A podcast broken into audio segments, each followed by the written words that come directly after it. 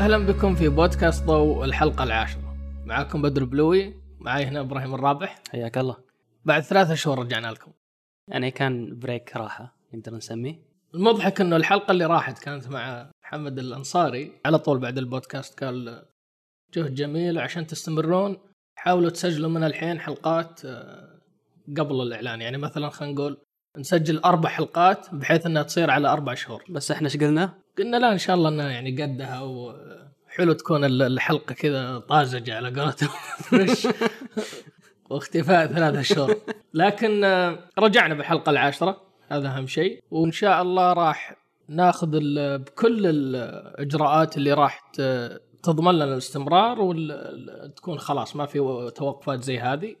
وعلى أساس الاستمرار هذه بعد يعني هي فرصة إن نعلن عن فئة جديدة راح نضيفها للحلقات. وإحنا حاليا قاعدين نسجل حلقة أنا وإبراهيم فيها نقاش وأخبار آه، أخيرة وفي حلقات الثانية اللي هي ال- المواضيع الرئيسية مثل الجمال بالصورة الحقوق غيرها مثل موضوع المسابقات وغيرها. هذه مواضيع رئيسية. الحين راح نضيف فئة جديدة اللي هي مقابلات. مقابلات مع أشخاص يكون فعليا الموضوع هو الشخص اللي قاعدين نقابله. فكيف إبراهيم تشوف هذه الإضافة يعني؟ آه راح آه يكون عندنا بالشكل هذا آه مخزون أكثر بحيث إن إذا في يوم اضطرينا أو أو فترة معينة اضطرينا ما قدرنا نسجل آه البودكاست بشكل دوري. فبالشكل هذا راح يكون عندنا مخ- مخزون نقدر ننزله في في أي وقت. طبعا مثل مثل اللي صار ويانا حاليا يعني الفترة اللي انشغلنا فيها ثلاثة شهور هذه. فبدل ما نوقف بشكل آه، تام لا يكون عندنا أشياء نقدر ننزلها بالوقت هذا. غير كذا الحلقات من النوع هذه أنا أشوف لها قيمة كبيرة. يعني أنا العادة شخصيا إني أحب أفصل بين الأعمال والأشخاص. يعني مثلا العمل الأدبي العمل الفني آه، هو يوصل لك صورة. لكن بنفس الوقت السيرة الذاتية آه، تضيف كثير الناس يعني لما تعرف الفنان وش آه، مر فيه كيف بدأ وش المشاريع اللي شغال حاليا عليها. الأفكار المختلفة الشخصية تأثر كثير وتضيف كثير فعلى أساس كذا ان حريصين إن نجيب أسماء حتى مميزة في الساحة مشهورة أو غير مشهورة لكن بالأخير لها إنجازاتها ونبغى ننقل هذه التجارب. أنا صراحة استفدت يعني اللي جتني الفكرة منها هو في بودكاست بنفس الموضوع اسمه The Magic Hour راح أحط الرابط حقه عندنا ال Magic Hour يسوي مقابلات مع كبار المصورين الموجودين حاليا. فاضافه إضافة كبيرة صراحة للتوثيق وحفظ للجهود ونعرفكم على ناس أنجزوا نعرف كيف طريقة تفكيرهم وللفائدة لنا. فبنحرص أن نضيف على الفئة هذه الكثير من الأشخاص المصورين المهمين في الساحة. ننتقل للأخبار. الحلقة هذه تكون أخبار. موضوع بسيط أنا وإبراهيم. الموضوع الرئيسي بيكون في الحلقة القادمة. بعد شهر. مو ثلاثة شهور المرة. ال- ننتقل للأخبار الآن. إبراهيم وش عندك أخبار جديدة في الساحة؟ أتوقع من أقوى الأشياء اللي اللي نزلت في الساحة حاليا اللي هي السوني ال A 9 سوني كعادتها قاعدة تكتسح السوق قاعدة تنزل أشياء يعني تصعب المهمة على المنافسين كانون ونيكون وباقي الشركات. اللي انتشر الفترة الأخيرة كانت من سوني اللي هي كانت ال A 7 سواء A 7 R أو A 7 S كل واحدة بمميزاتها الجبارة. ف A 9 هاي تعتبر اللي, اللي اختهم الأكبر منهم. مواصفاتها صراحة يعني جدا قوية. راح أقول الأشياء اللي خلينا نقول اللي عليها highlight أكثر شيء الأشياء أهم أهم شيء يعني بال بالكاميرا هذه. آه، عندنا sensor اللي هو ال 24 ميجا بكسل 24.2 تقريبا. ال- المميزه ال- القوية فيها إنها تصور 20 frame بالثانية من غير توقف. مستمر. مستمر. أتوقع إلى إلى 300 وشيء صورة raw. يا الله إنها توقف. يعني عادة ال- الكاميرات الثانية ممكن تصور ممكن 40 50 صورة بعدين توقف علشان ال- ال- ال processor ما يلحق. أو إنه يحتاج وقت علشان إنه يسجل الصور. بس آه هذه تقريبا بشكل يعني لا نهائي. أنا شفت كثير من ال highlights ال- الفيديو المصورة يوم إنه أعلنوا عنها ويوم طلعت بأكثر من مؤتمر. كانوا كثير يستعرضون هذه النقطة. أي. آه، طبعا الكاميرا هذه توها بادية آه، تنتشر أو توها بادية اللي يعلنون عنها سوني أكثر. يسوون لها إيفنتات في أشياء قاعدة تصير في في دبي إذا مو غلطان. وأعتقد انها في الرياض ما أدري سووا أو راح يسوون. فقاعدين يعرفون ال- المصورين عنها أكثر. آه، من بين الأشياء في نقاط ال focus آه، 693 نقطة focus. آه، رقم كبير جدا يعني. جدا جدا. يمديك بالشاشة هذه ال- ال- ال view finder كذا تشوف هذه النقاط هي طبعا راح تكون نقاط صغيرة لأن هي مسألة إن فيها التتبع وفيها أكثر أكثر من طريقة لل لل focus فهذه راح تكون مفيدة جدا. فيها مضاد الاهتزاز اللي يكون داخل الكاميرا عبارة عن خمس وقفات.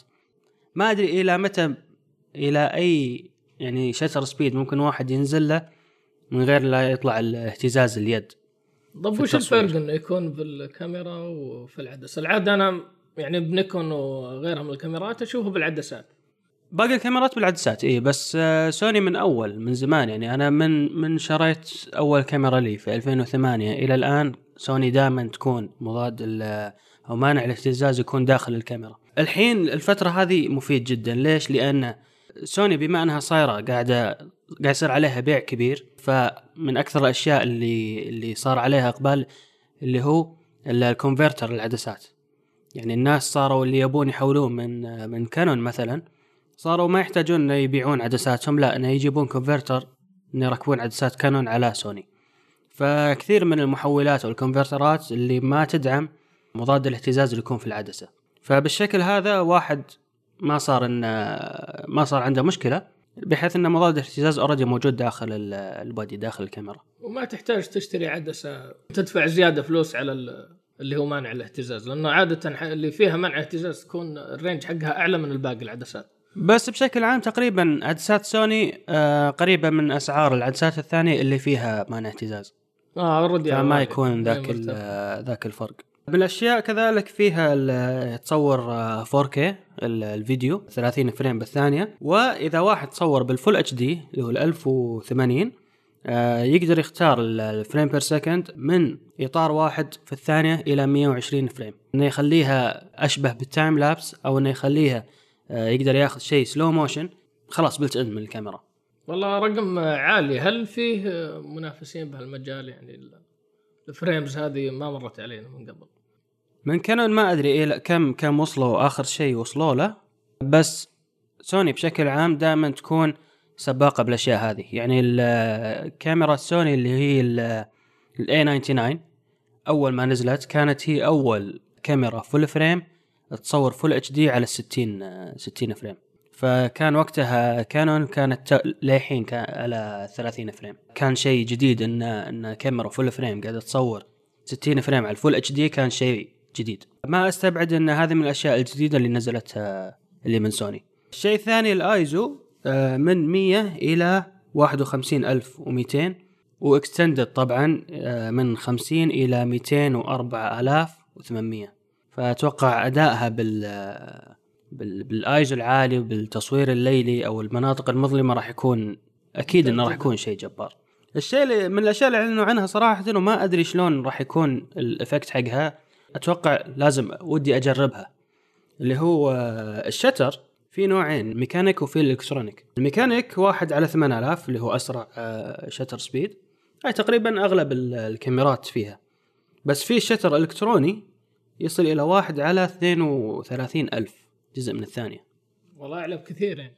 إيش سالفة ال electronic هذا صراحة للحين ودي ودي أعرف ودي أجربه أصلا. والله صعب بس أنا أتخيله زيه زي يوم تقول ال optical آه، مثلا تقريب ال optical وتقريب ال digital هذاك يسوي لك crop هذا فعليا real أتوقع نفس الشيء إن هذا ال shutter ممكن يكون شيء آه، هو شيء مقدم software، إلكتروني. اي software ما راح يكون بدقة ال- الميكانيك طبعا إيه. طبعا. ما أدري أتمنى إنه يصير في شيء آه، من سوني إنه شيء تعريفي للكاميرا هذه. إنه يكون آه، في الخبر أو الدمام بحيث إني أقدر آه، أجرب الكاميرا بالسعودية هذه يعني بشكل عام أنا ما انتبهت إذا هم سووا فعليا وأنا ما أستبعد إنه راح يصير بالرياض. بالرياض ممتاز بعد. ما أستبعد إنه راح يصير بالرياض. هو فعليا تحتاج تجربها. بعدين في نقطة مهمة اللي هي هي ميرورلس كاميرا. يعني full frame mirrorless كاميرا هذه لحالها كثير ناس تكلموا عنها أضافت كثير للسوق ال mirrorless تحرش بفوجي فيلم من زمان سوني يعني هم full frame فوجي فيلم إلى الآن crop نقزوا لل medium format بس still سوني بال full frame مسيطرة يعني في ال- mirrorless cameras ال mirrorless حجمه صغير. بس بالأخير يعني أنا يوم أشوف ال- الفيديوهات ولا الصور يوم تركب العدسة آه، فعليا أنت ما قصيت كثير من حجم آه، يعني حجم ال- العدسات كارل آه، زايس حقت سوني آه، ضخمة ما هي صغيرة. فما أدري كيف إنه هل الوزن أخف؟ يعني يوم تقول يعني على طول يوم أشوف مثلا mirrorless أنا أتخيل إنه لايكا يعني ال range finder كاميرا ال range finder لا، هذه. لايكا لايكا وضع مختلف. لايكا لايكا موجه لتصوير ال- ال streets والأشياء هذه. لايكا موجه إنها أصلا تكون صغيرة وخفيفة بس آه، لا فوجي فيلم روح فوجي فيلم. فوجي فيلم still أنا ما شفت عدسات الضخامة هذه حقت سوني. okay. هل لأنه ما يبغون ينتجون family جديدة؟ يعني هل هي الكاميرا هذه لها عدسات آه، mount جديد كامل ولا هو من ال- ال line اللي موجود أول؟ لا لا ال- السوني ال mirrorless آه لها mount مختلف اللي هو ال E mount إيه. ال- الكاميرات اللي قبل كانت ال A mount طبعا لا زالت آه، سوني تدعمها آه، بس ال E mount هذه الأكيد ان إن سوني قاعدة تستثمر فيها بشكل مهول. مهول. يعني في ال- أنا كاميراتي كلها A mount فالعدسات أغلبها تكون زايس. آه، سوني ما فيها ذيك ال- ال- العدسات اللي نزلتها اللي تكون قوية مثل الزايس. أما ال E mount سوني قاعدة تنزل عدسات كثير من ال G Master اللي هي مثل مثل عدسات ال مثلا في في كانون عدسات ال G Master قاعدة تنزل أعداد كبيرة من العدسات. وكذلك زايس قاعدة تنزل عدسات لها. فال E mount بالنسبة لي أشوف كمستقبل سوني اللي خصوصا اللي وده أصلا يدخل في آه، في سوني إنه يحول مثلا من كانون أو نيكون ويحول إلى سوني أتوقع لازم يروح لل E mount لازم يروح لل mirrorless يعني أشوف إن هذا هذا مستقبل الكاميرات من سوني لل mirrorless هم فعلا واضح إنهم مستثمرين كثير فيه من اي فترة يعني, يعني. هو صحيح إنه لا زال دعم لل A mount ال- ال mount القديم آه، العدسات. لا زالت سوني قاعد تنزل فيها كاميرات ولكن مو قوة ال- ال- الدعم لل- لل mount الجديد. طيب كيف الأسعار؟ هذه نقطة مهمة. الأسعار آه، آخر شيء شفته تقريبا 17 ألف ريال و500 هذه وش تشمل؟ هذا ال body على ال body بس؟ اي بس. يعني هذه الحالة بس إحنا نتكلم عن ال top إن هذه أعلى من. هذه أعلى كاميرا mirrorless من سوني يعني أول كان فيه وموجه 7 لل professional سوني أعلنت إيه. إن هذا ال professional اللي يبغون عتاد خف- أخف يعني من السابق طبعاً. يبغون السوق الجديد في ال mirrorless مهم. هم موجه لل pro آخر شيء فسوني مع طبعا من من كم يوم سوني نزلت آه، بعد عدسات جديدة لل- لل full frame ال E mount اللي هي نزلت ال 12 24 ملي f 4 ونزلت 16 35 2.8 جميل هذه. يعني آه. كل ما لها قاعد انه خلاص اللي كانها, بتفيدك، تقول آه. كأنها تقول اللي اللي عنده E mount بس يشوف إنه ما في عدسات وايد بال E mount موجود قاعدين نعطيك زيادة يعني أنت غطيت كذا خلينا نقول ال real estate غطيت ال- بهذه العدسة خاصة أي. الأخيرة 16 5 خصوصا انه مثلا ال E mount ما ما كان فيه اللي هي ال 12 24 ما كانت موجودة ما في ما هي موجودة خصوصا انها بعد G Master و already منزلين بعد اللي هي في 70 200 وفي 24 70 طب الرتم تنزيل العدسات ما تحسه أسرع من فوجي فيلم يوم نتكلم؟ يعني أنا أتذكر فوجي فيلم أول ما طلعت كانوا كثير ناس يقولون طيب متى العدسات تنزل؟ طيب آه، وكل فترة يطلعوا لك عدسة أو آه، عدستين يعني بفترة طويلة. شوف ال E mount مو مو جديدة. ال E mount ترى صار لها مو مو مو أقل من خمس سنوات.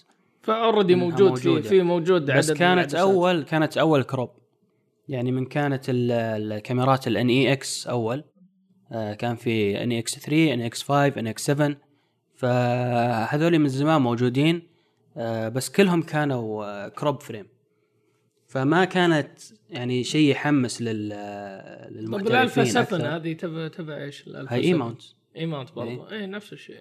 وبعدين آه، كاميرات الفيديو اللي قاموا بعد دعموها صارت E mount اللي هي ال FS 700 وغيرها من سوني.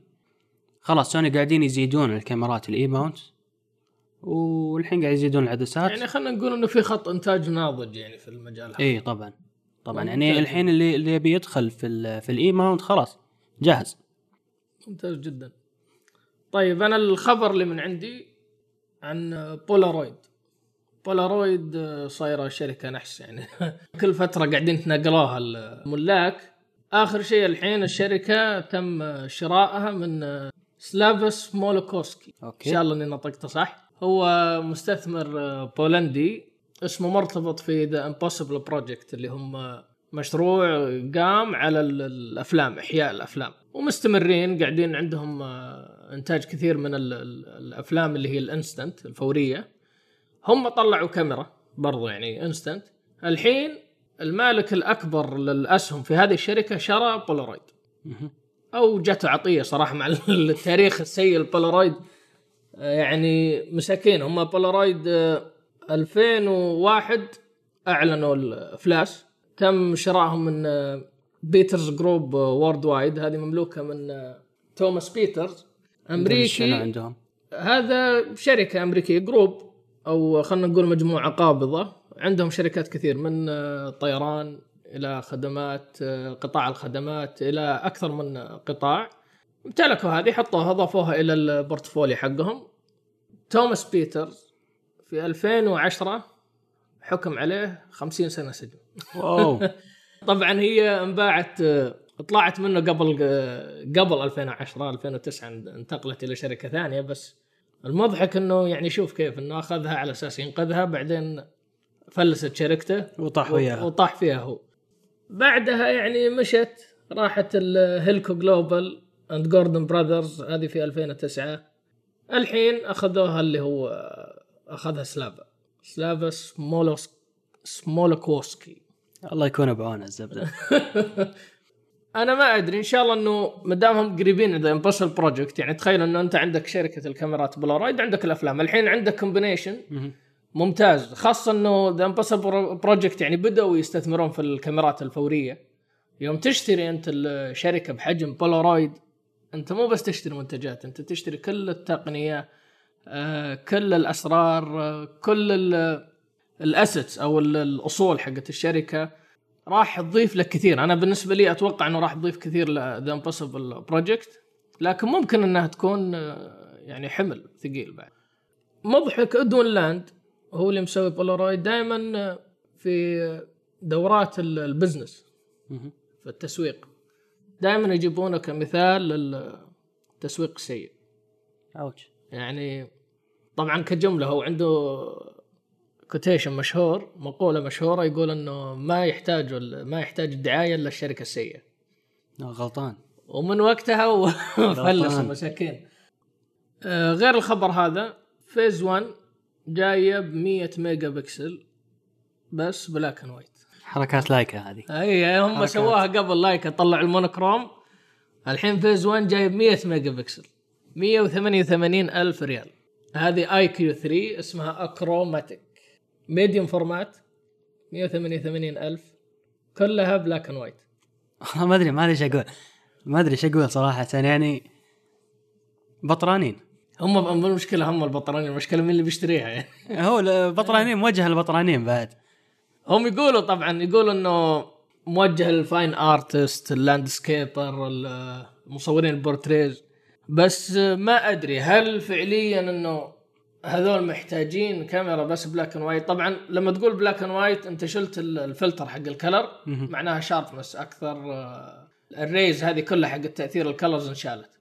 ماني متخيل مين ممكن ياخذها. خلينا نشوف. بس آه، نقول نقول إنها تطلع أحسن. مثل اللي يشتري ماي من الفندق. لا فعليا يعني شوف هي سوتها لايكا قبل.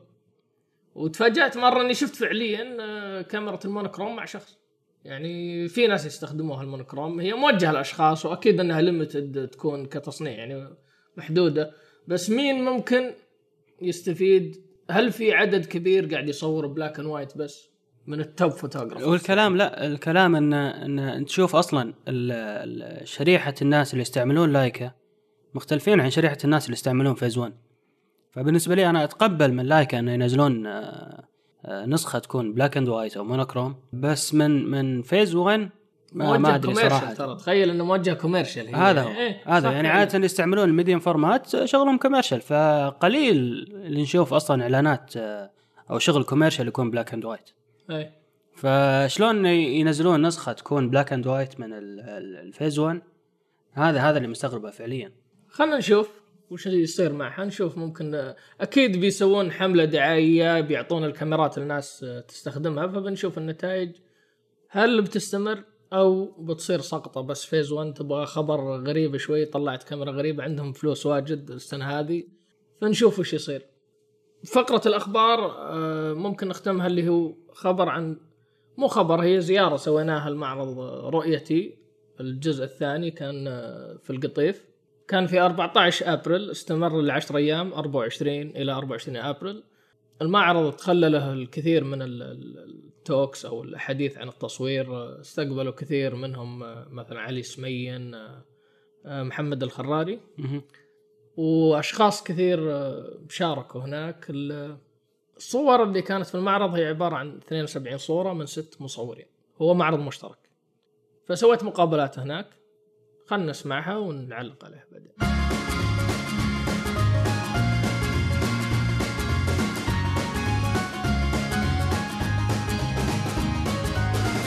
بدر محروس المحروس أحد المشاركين في معرض رؤيتي؟ النسخة الثانية. آه، مشاركتي عبارة عن مجموعة صور عن عمال آه، الفحم. هم طبعا موجودين. هذا يمكن خلف الكواليس ناس واجد ما يدري عنهم موجودين في بقيق. أغلبهم آه، موجودين بدون إقامة نظامية عايشين كلهم أمراض آه، عايشين في وسط الركام. ف يعني حاولت يوم ويوم ويوم عشان بس أقدر أصورهم. يلا وافقوا يعني حاولت أطلع بتجربة شوي مختلفة أنقل فيها معاناة آه، ذي الفئه اللي ما حد يدري عنهم. آه، طبعا هي تجربة متكاملة آه، تتكلم عن حياتهم بالخصوص تعبهم حتى أظهر محا له ملامح بعض الأشياء التفاصيل الصغيرة من آه، الرجل من إيد من يد. فهذه التجربة اللي طلعت بها السنة. معكم المصور نديم عبد المحسن صويمة. هذه طبعا المشاركة الثانية بعد معرض رؤيتي النسخة الأولى. المشاركة هذه في النسخة الثانية مكونة من ثمان صور وعنوان المشروع هو قبل الحصاد. آه، الصور مأخوذة من فيتنام في الشمال الغربي في منطقة يسموها موكتشاو. الصور عبارة عن الأعمال التي تتم قبل موسم الحصاد حصاد الأرز طبعا. وعادة تكون النساء هي اللي تقوم بعملية التنظيف للحقول من الديدان الضارة والحشرات. والجزء الآخر هو الرجال اللي هي تستخدم الجواميس للحراثة طبعا. علي عبد الجبار السمين أنا مصور street photography ومخرج في الأساس. آه، معاي آه، مشاركة بسيطة اسمها تصوير رحلة في النفس وهي تجربة شخصية جدا. وأتكلم فيها عن آه، كيف برحلتي في التصوير إلى وصلت إلى اليوم بكل بساطة. مهدي العوة فنان فوتوغرافي. تجربة كانت عن رحلة رحلة حب كانت في قرقستان.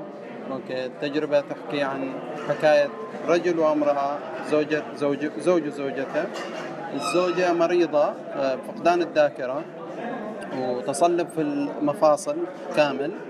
آه، زوجها هو اللي يرعاها عمره 85 سنة. أوكي يرعاها كل الرعاية يرفض أي أحد يساعده إنه يرعاها. آه هذا الحب قليل ما نشوفه في حياتنا. حاولت انقله في هذا المعرض بصورة تكون رسالة للجميع إن ما تبنيه مع زوجتك ومع أسرتك نهايته هذا الشيء. هاشم آل طويلب آه، مصور فوتوغرافي هاوي آه، لي آه، رحلة طويلة مع الكاميرا من صغري. اخترت تجربتي هي رعاة راجستان. آه، باخذكم بتفصيل بسيط فيها. أنا يستهويني السفر يستهويني المشاعر الإنسانية وأحب دائما أبحث عن الأسفار اللي فيها أماكن نائية وفيها بشر ما احتكوا بالناس بشكل عام. فرعاة راجستان كانت في منطقة آه، ولاية راجستان في الهند آه، وهي من إحدى أكبر الولايات في الهند. الرحلة د- كانت عن الرعاة كيف حياتهم قاسية كيف مجردة من جميع العوامل الحضارية. فزي ما تشوفوا في بعض الصور إن آه، قد يرى الكثير فيها تفاصيل واكسسوارات من آه، الرعاة. هذا الشيء لو تشوفوا الصور أنا اخترت اللون الأبيض وأسود أجرد الصور من هذه ال- ال- العوامل اللي تسهل عليهم في أمور حياتهم لأن حياتهم هي مجرد انتظار. هم عندهم المواشي اللي عندهم والجمال والأغنام وشغلتهم بس ينتظروا لهذه المواشي ويسلوا نفسهم بأي شيء. فعشان يعوضوا هذه الوحدة ويعوضوا هذا الفراغ في الأماكن القاحلة في الصحاري يلبسوا الأشياء الملونة اللي تجلب البهجة على النفس. طبعا لو تجون المعرض وتشوفوا الصور كلها مجردة من اللون كلها أبيض وأسود. عشان أبين قوة هذه القساوة في هذه البيئة. فالصور تبدأ برجل يشرب آه، من يد رجل آخر. طبعا عشان يكون الرجل رجل لازم يأخذ حق للعبور في هذه المنطقة فيتجمعوا الرجال في مراسيم معينة ويشرب من كف زعيم القرية أو القبيلة ليصبح رجل. من ثم بإمكانه أن يمارس حياته ك راعي راعي أغنام أو راعي مواشي مستقل مما فيها الجبال الجمال. آه، ومن ثم تطلع ال- الصور وتدخل في العوامل اللي تملأ فراغهم فيها اللي هو والدخان. فاخترت ثلاث أعمال تمثل حالة الانتظار وتبين آه، مدى تأثير الدخان في قضاء على هذا الوقت. فترى الهندي الراجستاني بعمامته الحمراء جالس تحت شجرة يتظلل بدراجته على جنب. ينتظر هذه المواشي تخلص. ما عنده شيء ما عندهم تكنولوجيا. حياتهم جدا بسيطة ترى حافي الأقدام. آه، بس بالدخان اللي عنده يسلي نفسه تنتهي هذه المواشي بيكمل يعيش حياته. طبعا حتى نسائهم يديروا هذه المواشي ويشاركوا رجالهم في دعم هذا هذه الحياة القاسية. فتشوف في ختام المشروع العائلة في خيمتها وكيف يجتمعوا على لقم العيش البسيطة من أخباز أو من أجبان بسيطة كلها من نتاج حيواناتهم. فهذه الحياة البسيطة تجمعهم. بعضهم يعيش ممكن في هذا الصندوق اللي تجره يجره ثور أو بقرة يتنقل فيه. بعضهم يعيش في هذه الخيمة منعزل عن كل الناس. فحياتهم هي انتظار حياتهم بسيطة. فهذه التجارب تستهويني لأنها تعرفني على النفس البشرية أكثر وتقربني من البشر. اللي لو نرجع في الأنثروبولوجيا أن كل الناس ترجع إلى أساس واحد في البساطة وفي هذا الأسلوب. وأتمنى لو عج- تعجبكم التجربة وأتمنى كنت خفيف عليكم. عبد الإله حسن آل مطر أحد المشاركين في المعرض الفوتوغرافي المشترك رؤيتي في نسخته الثانية. آه، طبعا هذه السنة قدمت ثمانية أعمال أو لكل شخص ثمانية أعمال كانوا في هذا المعرض. تجربتي تتكلم عن البدو الرحل آه، في منطقة حدودية ما بين الهند والصين. آه، يعيش فيها لاجئين من التبت.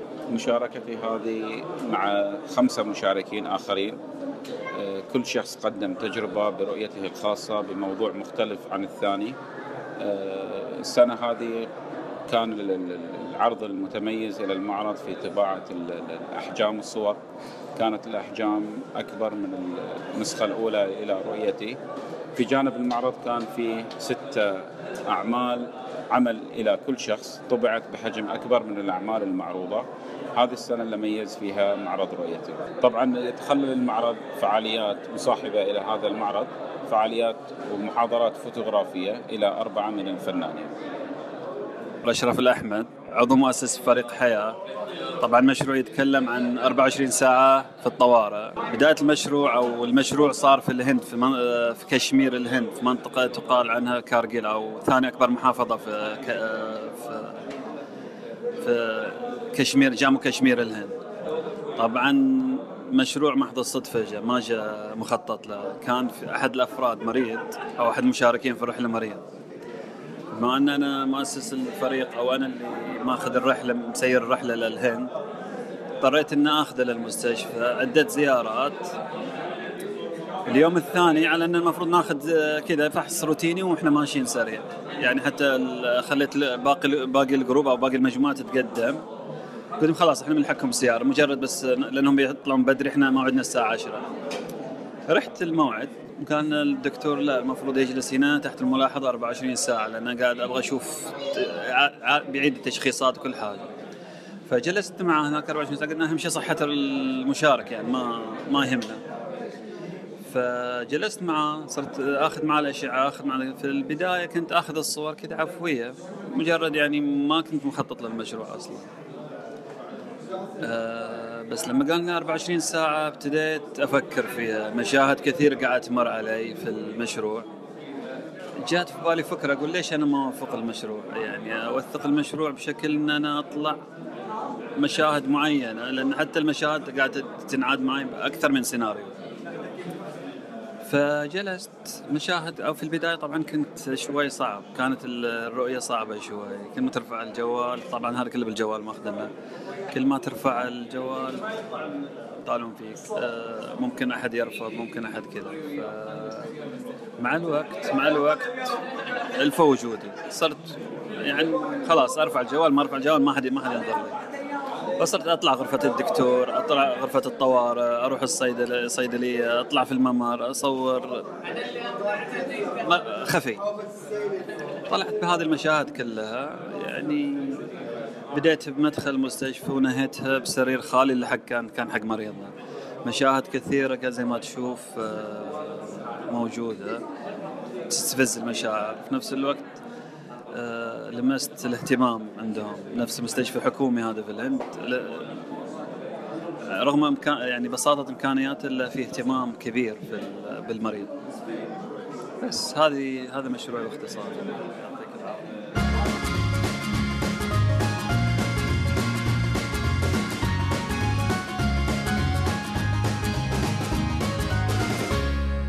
هذه كانت مقابلات من معرض رؤيتي. إبراهيم أنت رحت المعرض صحيح؟ إي رحته تقريبا شفته؟ آه، كنت رايح علشان محاضرة آه، مصور محمد الخراري فكان يتكلم عن آه، مشروع تصوير كان مسويه بعدها رحنا ال- المعرض صراحة ممتاز يعني خصوصا مسألة طباعة الأعمال بحجم كبير بحجم كبير يعني أضاف أضاف بشكل قوي طبعا أكيد أن اللي كان طبعها محمد الأنصاري اللي الحلقة التاسعة. استضفنا الحلقة اللي فاتت. شوف كيف على طول جت بعدها. المواضيع حلوة ال- الصور آه، مرتبطة ببعض. يعني كل كل واحد آه، عرض صور آه، من تصويره كانت كلها مرتبطة ببعض. ما كان مثل آه، إن تجيك مثلا بعض المعارض يقول لك لك أربع صور أو ست صور أو حتى عشر صور بس. يكون المصور يعرض من كل شيء يعني تشوف landscape على بورتريه على macro على مدري شنو. بس مسألة أن تكون الصور كلها آه، كموضوع واحد كمشروع واحد هذا يعطيها قوة. هذا اللي لفت انتباهي إنه في storytelling يعني هذا شيء مو متعودين إحنا عليه في السعودية.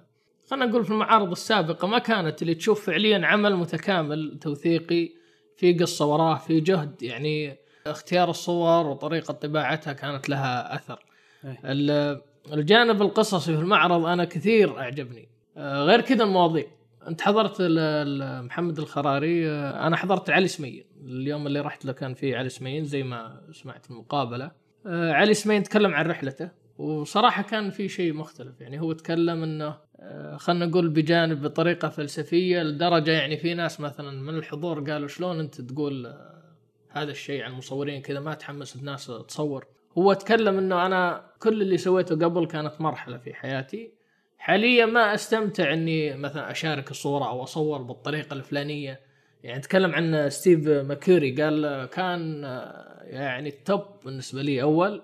حاليا أشوف صورة سيئة. اختلفت نظرته مع الوقت. لقى إنه يستمتع في ال process أكثر من إنه يستمتع في ال- النتيجة؟ في النتيجة. فعلى أساس كذا قرر إنه حاليا قاعد يصور بس فيلم. يعني هذه واحدة من الأمور اللي تناقشت الفلسفة وراها. هذا بس موضوع حق يوم واحد. المعرض أنا أشوفه ممتاز كجودة أعمال المشاركين ما قصروا. وبعدين بالأخير ترى موضوع معرض مشترك. ما هو يعني خلينا نقول بفلوسهم الشباب. يعني هم مشتركين مع بعض مجمعين قطية ومسوين المعرض. جهد جميل.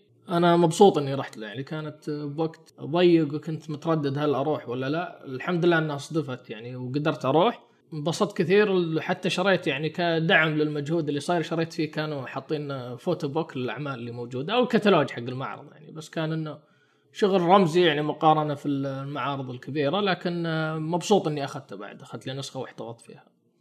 فإلى هنا نوصل إلى جزء الأخبار ننتقل لموضوع اليوم.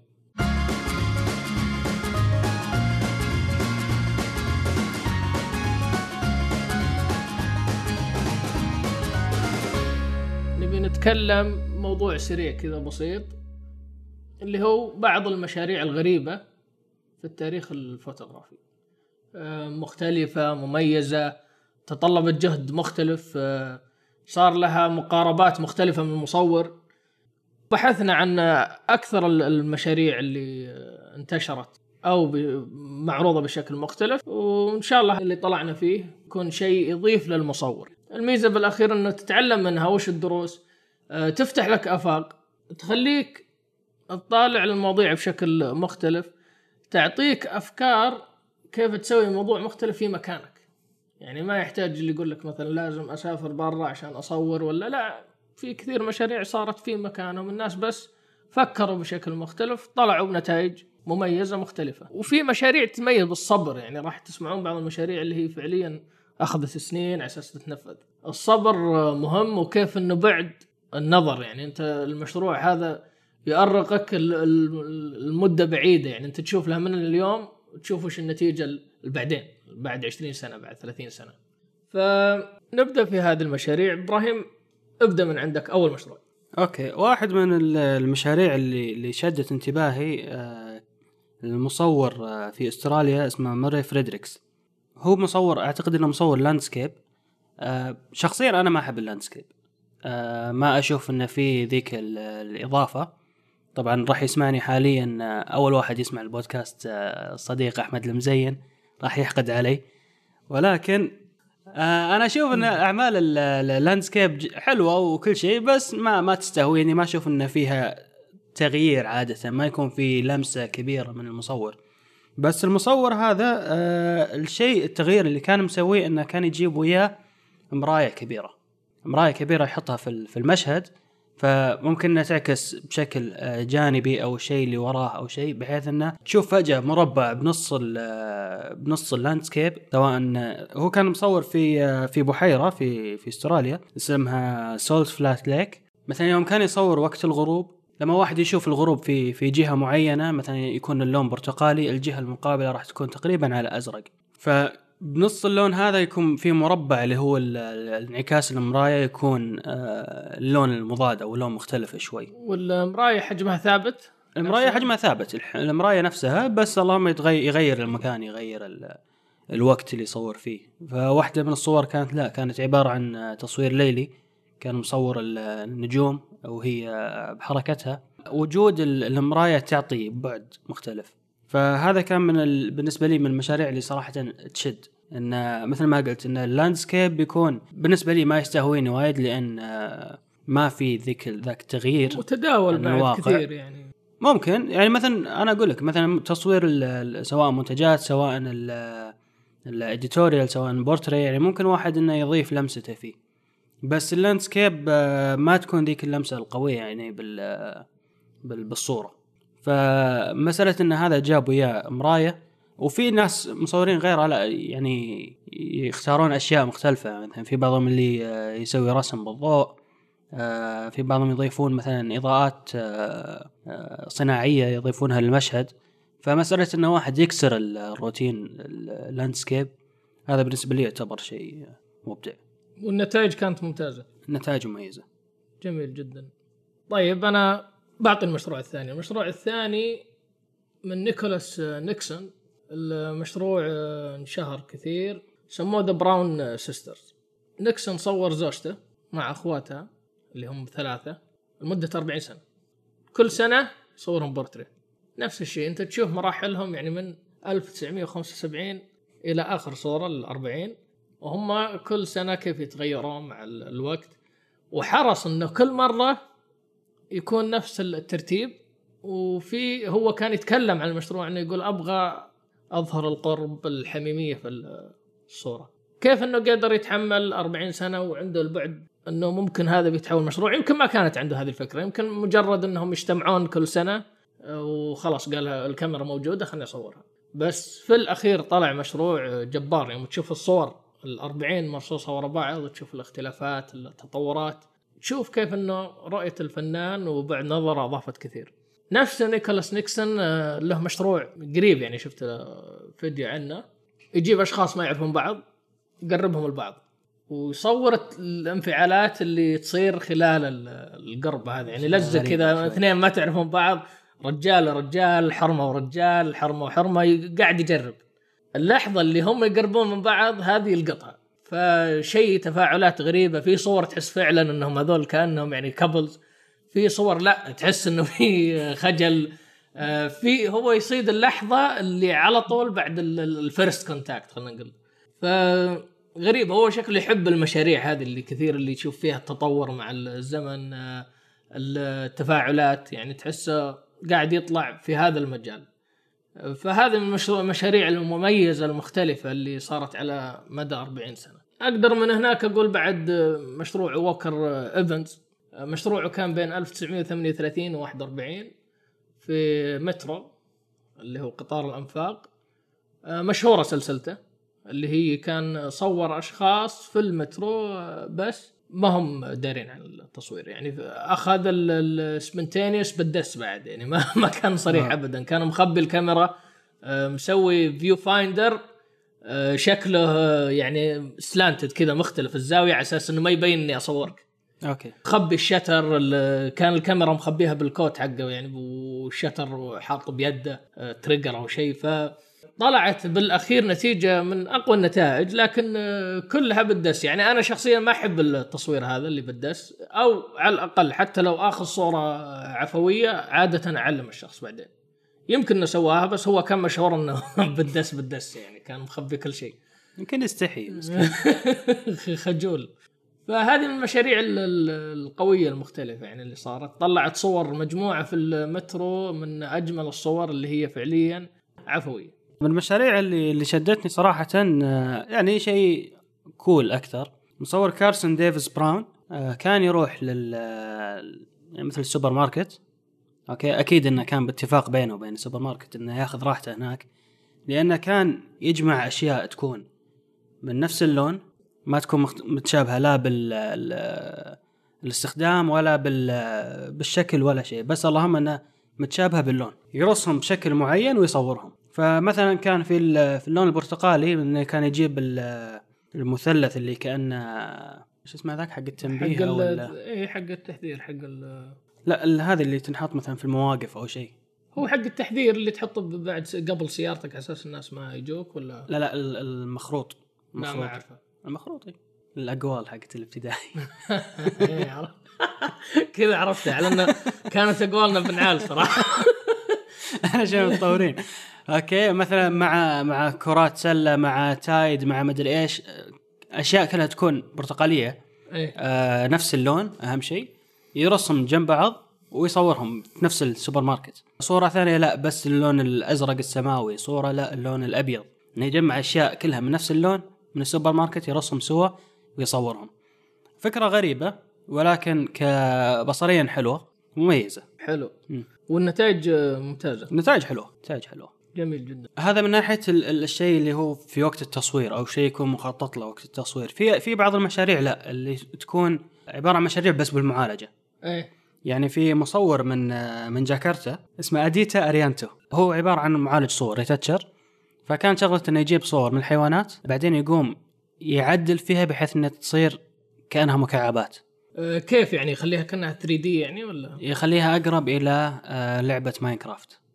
آه نفس الشخصيات ال- ال- ما أدري أنا إيه. شوف أنا ما لعبت اللعبة صراحة ولكن أعرف شلون لا هي أقرب أشكال لل- الشخصيات أشكال اللي يعني بين آه، ليجو ألعاب ليجو بين ال pixelated شوي يعني. تقريبا. فإنه تكون okay ما هي pixelated يعني high quality بس كأنها مصنوعة من مكعبات. الشكل مختلف آه ما تعب وقت التصوير نفسه ولكن كان ال project حقه بالمعالجة اللي هو بعد التصوير. وطلع بنتائج مختلفة. إيه طبعا. طيب أنا أشوف أنت أكثر كذا جاي آه، معاصر. أنا قاعد أجيب أجيبك المشاريع قديمة يعني okay. ك- classical أكثر. آه، سندي شيرمان يعني مصورة بغت تطلع نفسها كأنها من ال- ال stills حقت الأفلام أو الصور الثابتة حقت الأفلام. فحطت نفسها في scenes مختلفة وصورت self portrait تصوير شخصي. طلعت بصور جميلة جدا يعني كأنها جزء من فيلم عرفت اللي كأنه لقطة من فيلم؟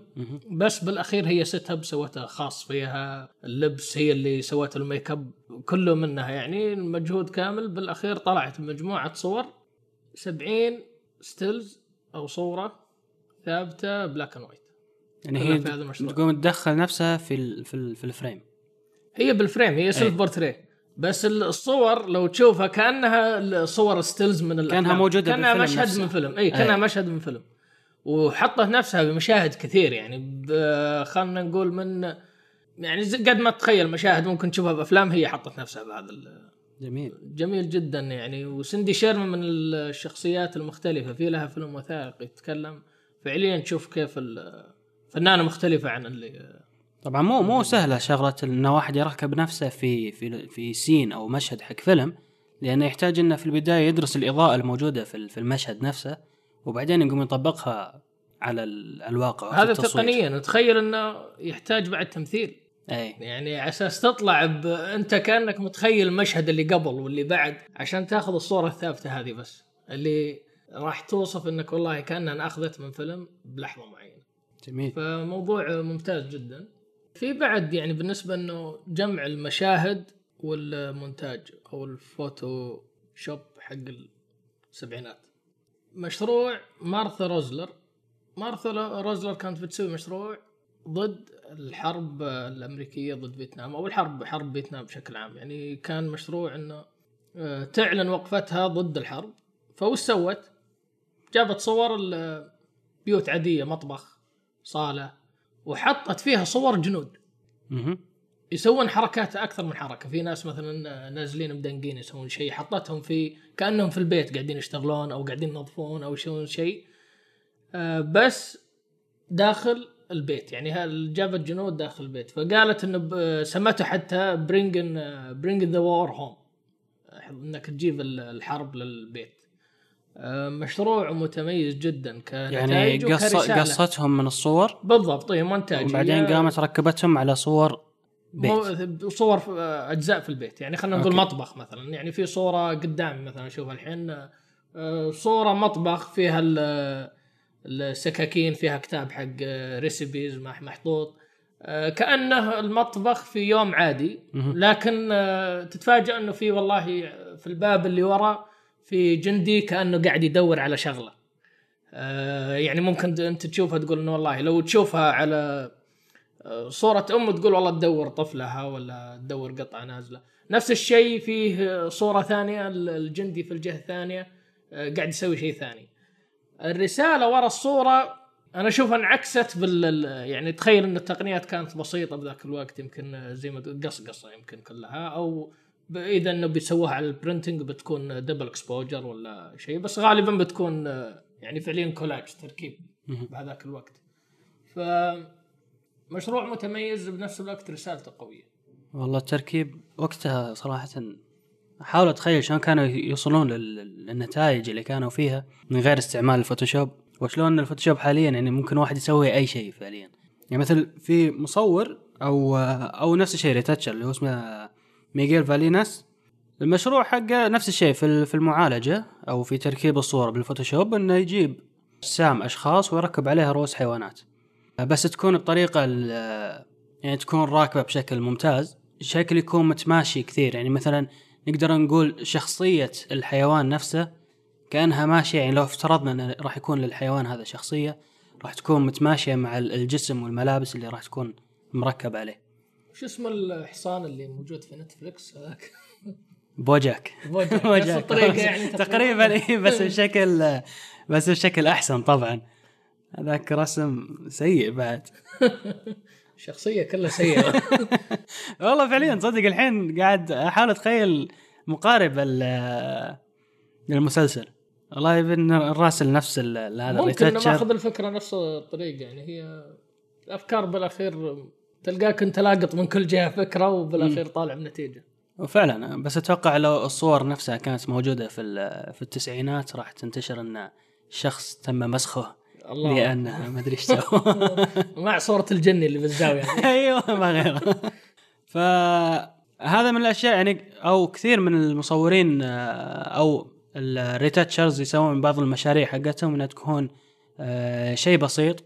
مو بالضرورة إنه يتعب وايد آه، بالصورة. أهم شيء إنه يكون ماخذ ال- الإضاءة الصحيحة كل شيء يكون صحيح بحيث إنه يكون باقي الشغل كله بال بال retouch أو ال- المعالجة أو التركيب آه، واحد يسميها أي هذه شيء. تدخل تدخل في ال digital art أكيد أكيد يعني digital هذه art. استثمار ال- ال digital art في التصوير. إي ف أتوقع الخلاصة إن أي واحد يقدر يسوي آه، أي مشروع سواء يحط التعب قبل التصوير أو بعد التصوير بالأخير إيه. الفكرة الفكرة أنت. وتنفيذك أنت تحدد هذا هو فعليا في مشروع عندي سواه ديفيد آه، هورفيت مختلف متميز إنه وش كان موضوعه؟ كان يتكلم عن كيف ال recycling أو تدوير الصور في الإنترنت. ديفيد هورفيت وش سوى؟ صور self portrait شكله هو كذا حاط يده على راسه كانه تعبان. إنه عنده والله mood disorder. أخذ الصورة حطها في ويكيبيديا للموضوع ال mood disorder okay. ومجرد ما تحطها أنت بويكيبيديا تعتبر ال- ال license حقتها تصير open وخلاها هناك. بعد فترة سوى بحث عن الصورة. يعني الحين عندك مثلا جوجل تقدر تأخذ ال- إيه، تبحث بحث بالصورة بالصورة، نفسها إيه. تسوي. upload في الصورة تبحث تجيب لك وين موجودة الصورة بك- المواقع اللي موجودة فيها الصورة. ولقاها مستخدمة في blogs آه، من جميع أنحاء العالم. في أمريكا اللاتينية في أمريكا في يمكن الشرق الأوسط آه، في أكثر من مكان عن مواضيع مختلفة في بعضهم عن التعب. يعني استخدموها كأنها stock photo للموضوع هذا. بس آه، حلو فكرة إنه حطها في في ويكيبيديا خصوصا. اي لأن المكان اللي راح الكل راح يبحث فيه. جدا بعدين license خلاص أنت ما, ما في أحد يقاضيك يعني أنت تقدر تستخدمها. امم يعني اترك هنا ممكن هنا ما في اهتمام كبير لكن برا لو إنك استخدمت صورة آه، ما هي مصرحة ممكن تتلاحق قضائيا يعني. خلاها يعني مفتوحه للجميع.